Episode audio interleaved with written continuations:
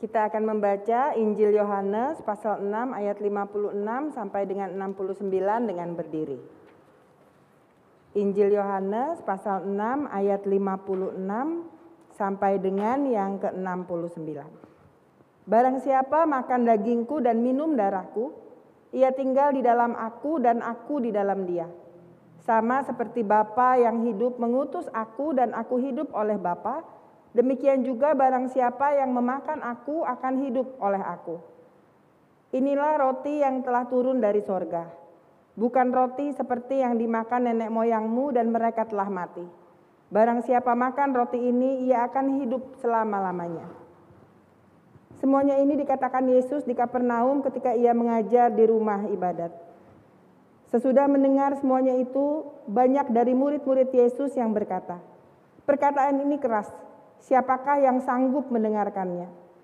Yesus yang di dalam hatinya tahu bahwa murid-muridnya bersungut-sungut tentang hal itu berkata kepada mereka, Adakah perkataan itu menggoncangkan imanmu? Dan bagaimanakah jikalau kamu melihat anak manusia naik ke tempat di mana ia sebelumnya berada? Rohlah yang memberi hidup, daging sama sekali tidak berguna. Perkataan-perkataan yang kukatakan kepadamu adalah roh dan hidup. Tetapi di antaramu ada yang tidak percaya.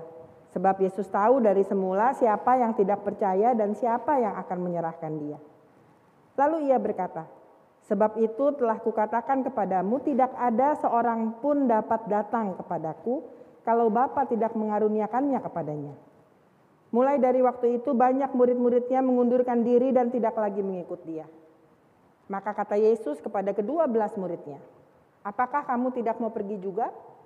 Jawab Simon Petrus kepadanya, Tuhan kepada siapakah kami akan pergi? Perkataanmu adalah perkataan hidup yang kekal. Dan kami telah percaya dan tahu bahwa engkau adalah yang kudus dari Allah. Jawab Yesus kepada mereka, Buk, Bukankah aku sendiri yang telah memilih kamu yang dua belas ini, namun seorang di antaramu adalah iblis. Sedemikian jauh pembacaan firman Tuhan yang berbahagia adalah mereka yang mendengar firman Allah dan yang memeliharanya. Haleluya.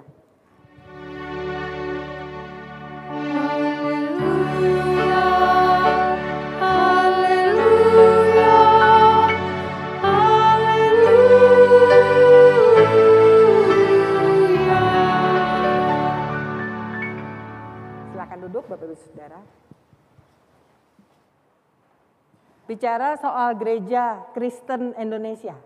Kita sama-sama tahu Bapak Ibu Saudara bahwa Cikal Bakal GKI adalah sebuah gereja etnis yaitu gereja etnis Tionghoa. Tionghoa Ketokahwe, Kuhwe Jawa Barat kalau yang Jawa Barat gitu ya. Tapi kita sama-sama tahu bahwa GKI adalah sebuah gereja etnis yang cikal bakalnya adalah gereja etnis Tionghoa. Tahun 1958 sebuah pilihan dibuat yaitu gereja etnis Tionghoa ini, Tionghoa Kitokahwe ini memilih untuk berubah nama dan tidak sekedar berubah nama tetapi menjadi gereja Kristen Indonesia kalau Bapak Ibu jeli memperhatikan gitu ya, kenapa nggak ada kata di gitu ya?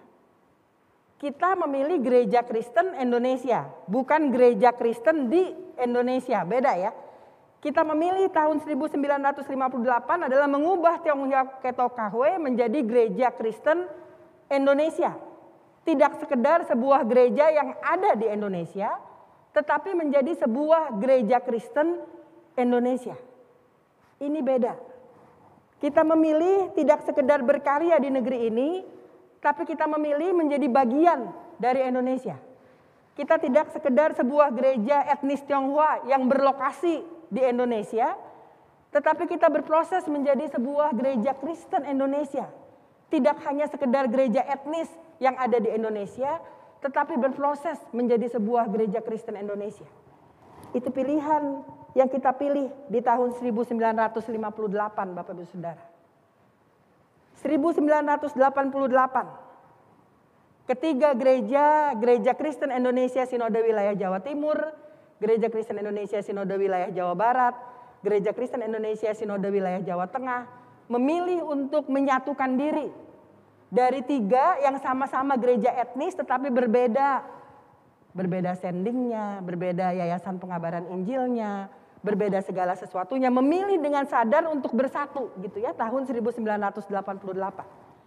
Kalau kita coba ingat-ingat Bapak Ibu Saudara, penyatuan itu terjadi 1988. Tapi GKI Sinwil Jatim sudah ada sejak tahun 1935. GKI Sinwil Jabar secara klasis sudah ada sejak 1940. GKI Sinwil Jateng sudah ada sejak 1945. Jadi bersatunya ini setelah tiga gereja ini sebenarnya udah cukup established gitu ya. Tiga gereja ini sudah cukup berdiri, sudah punya kebiasaannya sendiri, sudah punya tata gerejanya sendiri, sudah punya segala sesuatunya sendiri. Tapi tahun 1988 di tengah-tengah segala macam keragaman, GKI justru memilih untuk bersatu. Mengapa saya merasa perlu kembali mengingatkan kita akan pilihan yang pernah dibuat tahun 1958 dan tahun 1988. Manakala kita memilih untuk bersatu, sekali lagi, ketiga gereja sudah ada dalam keadaan established. Sudah punya tradisi sendiri, sudah punya budaya sendiri, sudah punya kebiasaan sendiri. Tetapi dengan sadar kita memilih untuk bersatu. Dan pendeta Eka, almarhum Eka Dharma Putra mengatakan penyatuan GKI adalah sebuah tindakan untuk berhenti memperlamban sebuah keesaan. Tapi justru menunjukkan bahwa keesaan itu juga bisa dilakukan dengan cepat. Dan GKI menunjukkan hal itu. Mengapa saya mengajak kita di usia yang ke-33 tahun berderap bersama selaku GKI merenungkan hal ini. Kita buka kembali Yosua Bapak Ibu Saudara. Yosua yang tadi kita baca Yosua 24 di situ Yosua mengatakan kepada bangsa Israel. Kalau kita perhatikan di ayatnya yang ke-14 dan ya, sampai dengan yang ke-16. Oleh sebab itu, takutlah akan Tuhan dan beribadahlah kepadanya dengan tulus ikhlas dan setia. Jauhkanlah Allah yang kepadanya nenek moyangmu telah beribadah di seberang sungai Efrat dan di Mesir dan beribadahlah kepada Tuhan. Tetapi jika kamu anggap tidak baik untuk beribadah kepada Tuhan, pilihlah pada hari ini kepada siapa kamu akan beribadah. Yosua mengingatkan bangsa Israel akan sebuah pilihan. Yosua mengajak bangsa Israel untuk kembali mengingat pilihan yang pernah dibuat oleh nenek moyangnya dan berdiri pada pilihannya sendiri.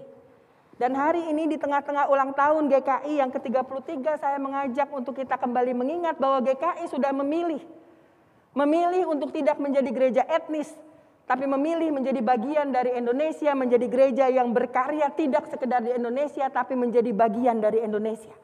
Itu pilihan GKI. Dan GKI memilih dengan sadar untuk bersatu di tengah-tengah keragaman. Saat ini Bapak Ibu Saudara sudah ada 230 jemaat GKI. 230 jemaat GKI yang ada dari Pekanbaru bagian barat sampai Bali bagian timur yang sudah ada dari Batam bagian utara Indonesia sampai Cilacap bagian selatan di Indonesia. Bisa kita bayangkan bahwa dalam 33 tahun, tapi kalau mau dihitung dari sebelum-sebelumnya gitu ya, sudah ada 230 jemaat. Dan di tengah-tengah orang yang memilih untuk berpisah ada banyak gereja yang pecah.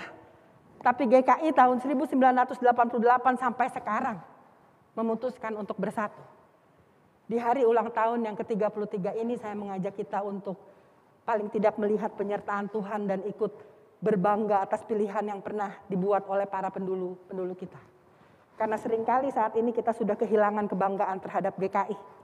Saat ini kita sering kali membandingkan, bedain dong sama gereja lain yang kebaktiannya penuh. Lihat dong, ibadahnya jauh lebih hidup daripada GKI.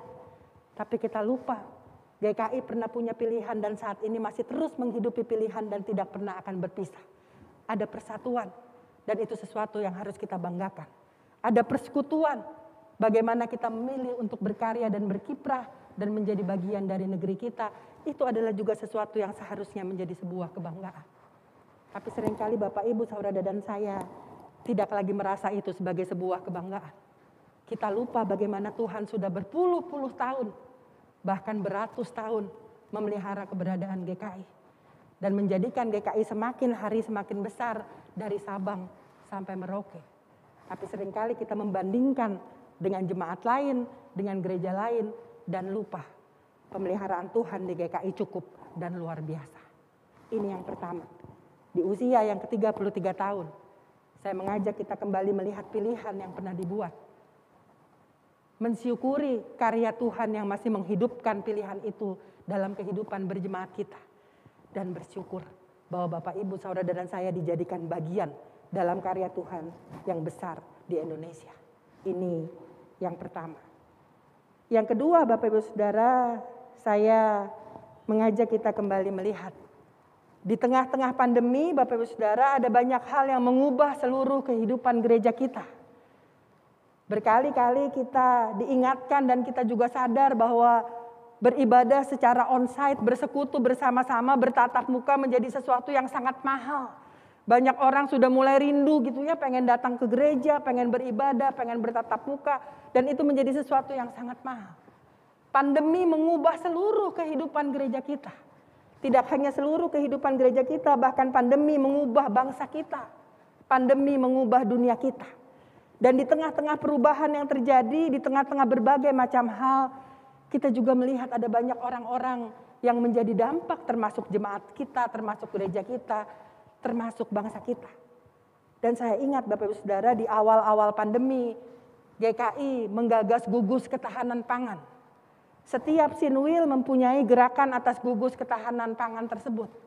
Seorang petani di Jawa Tengah bercerita bagaimana dia merasa terbantu karena akhirnya hasil panennya apa yang dituainya gitu ya tidak teronggok sia-sia, tidak diambil oleh tengkulak, tapi diambil oleh gereja, dipotong jalannya dan dia mendapatkan uang yang semestinya. Dan itu terjadi di Jawa Timur, di Jawa Tengah oleh Sinwil Jateng, Sinwil Jatim. Terminal pangan di GKI Jabar juga melakukan hal yang sama. Berupaya menghidupi banyak orang yang kita tahu terkena dampak karena pandemi. Saat nakes kita kekurangan APD, maka hampir banyak gereja-gereja tidak hanya Sinwil Jabar, tapi Sinwil Jateng, Sinwil Jatim, secara bersama-sama mengumpulkan uang untuk membeli APD. Secara bersama-sama mencari apa yang bisa dilakukan tidak hanya untuk gereja kita, tapi untuk bangsa ini, gitu ya. Itu soal nakes. Lalu saat ini di tengah-tengah berbagai macam hal yang terjadi, Bapak Ibu Saudara, GKI Sinwil Jateng bahkan juga mengadakan semacam gugus tugas COVID sama seperti yang kita adakan Bapak Ibu Saudara, tapi e, mereka menyebutnya dengan Jogo Tonggo gitu ya. Dan Jogo Tonggo ini tidak hanya untuk warga jemaat tapi untuk seluruh warga. Jadi kalau ada warga yang terkena e, terpapar COVID, maka gerejanya ini membelikan makanan dan lain sebagainya lalu menyantolkan di pagar gitu karena nggak boleh ketemu. Saya pikir di Sinwil Jabar, di Sinwil Jateng, di Sinwil Jatim, ini juga menjadi hal yang dilakukan bersama. Tidak hanya itu, menjadikan gereja sebagai tempat isoman, baik bagi yang sehat maupun bagi yang terpapar. Itu juga dilakukan oleh banyak gereja di lingkup Sinwil Jateng, Jatim, dan Jabar. Mengapa saya menyebutkan hal ini Bapak Ibu Saudara? Karena ternyata dalam kesadaran kita bersama, kita berupaya keras dalam hidup bersama kita melakukan apa yang kita bisa yaitu menunjukkan iman kita. Bertahan dengan iman kita. Dan saat kita berupaya bertahan dengan iman kita, kita tidak hanya melindungi komunitas kita. Kita juga melindungi bangsa kita. Saat kita berupaya untuk tetap berpengharapan, saat kita berupaya untuk tetap mengenakan berbaju zirahkan segala macam peralatan dari Tuhan, tetap kukuh di tengah-tengah iman, Bapak Ibu saudara dan saya tidak hanya melindungi diri kita dan gereja kita, tapi kita juga melindungi bangsa kita. Saya mengajak kita Bapak Ibu Saudara membuka dari kitab Efesus. Efesus pasal 6 ayatnya yang ke-16. Efesus pasal 6 ayatnya yang ke-16 jelas mengatakan begini. Dalam segala keadaan pergunakanlah perisai iman. Sebab dengan perisai itu kamu akan dapat memadamkan semua panah api dari si jahat. Dan menurut saya itu yang kita tengah lakukan saat ini. Di tengah-tengah bangsa yang sedang sakit, di tengah-tengah dunia yang terimbas karena pandemi. Gereja, termasuk DKI, Sinode Wilayah Jawa Barat, Sinode Wilayah Jawa Timur, Sinode Wilayah Jawa Tengah, termasuk di dalamnya jemaat-jemaat berupaya untuk tetap bertahan dalam iman. Dan saat kita tetap berpengharapan dan melakukan secara kreatif banyak hal, Bapak Ibu saudara dan saya juga melindungi bangsa kita dengan perisai iman. Jadi di tengah-tengah ulang tahun yang ke-33 saya kembali ingin melihat perjalanan kita.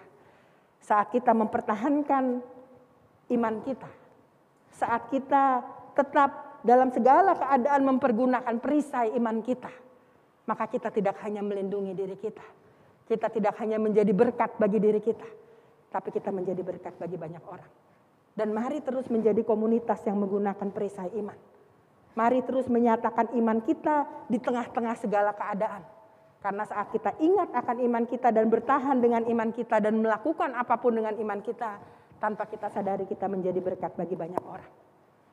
Hal yang ketiga, Bapak Ibu Saudara. Jadi hal yang pertama tadi saya menekankan bahwa pilihan yang telah dibuat oleh pendahulu-pendahulu kita adalah sebuah pilihan yang di dalamnya harus terus kita hidupi dan meyakini bahwa karya Tuhan memampukan kita untuk hidup dalam pilihan itu. Pilihan untuk bersatu dan pilihan untuk menjadi bagian dari Indonesia. Dan yang kedua, Mari di tengah-tengah segala keadaan kita mengenakan perisai iman kita. Saat kita terus menjadi komunitas yang beriman, maka tanpa sadar kita akan terus menjadi berkat bagi tempat di mana kita ada. Yang ketiga, jangan sampai di tengah-tengah berbagai macam kesibukan, di tengah-tengah berbagai macam aktivitas, di tengah-tengah berbagai macam tugas yang kita lakukan Bapak Ibu Saudara, kita lupa menjalin relasi dengan Tuhan. Mengapa saya mengatakan begini? Seringkali tanpa kita sadari gitu ya, kita sibuk dengan berbagai macam hal, tapi kita tidak punya persekutuan yang kokoh dengan Tuhan. Seringkali kita larut dalam kerutinan, larut dalam segala macam tugas, tetapi iman kita menjadi sesuatu yang kering. Jangan sampai sebagai gereja kita sibuk dengan berbagai macam kegiatan, tapi ternyata kualitas hubungan kita dengan Tuhan tidak sungguh-sungguh menguatkan kita. Saat kita tidak punya relasi yang sangat erat dengan Tuhan, maka keadaan bisa membuat kita kecewa. Saat kita tidak terus menerus mencharge persekutuan kita dengan Tuhan, maka baterai kita bisa habis dan mungkin kita akan lelah. Kita melakukan banyak hal untuk negeri kita.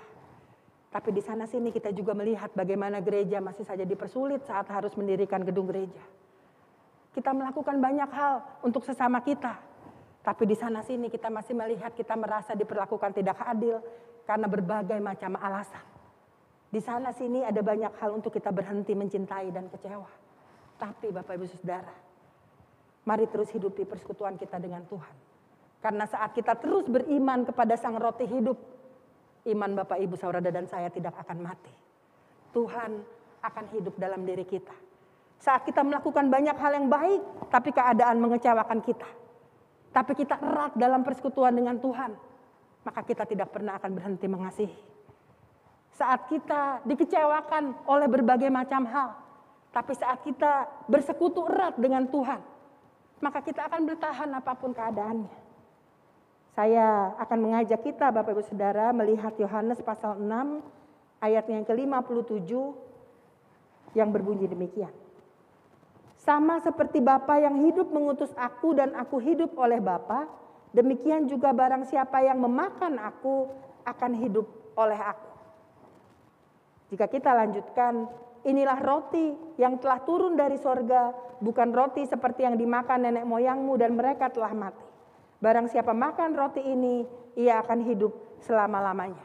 Saat kita punya persekutuan yang erat dengan Yesus sang roti hidup, dengan Tuhan yang menciptakan dan memelihara kita, maka kita tidak pernah akan mati dalam kasih. Kita tidak pernah akan mati dalam kehidupan iman kita. Jadi mari Bapak Ibu Saudara, di tengah-tengah keadaan yang mungkin saja mengecewakan kita. Di tengah-tengah banyak orang yang mungkin saja lupa akan banyak kebaikan yang sudah kita buat. Di tengah-tengah banyak hal yang mungkin membuat kita sakit hati dan sedih.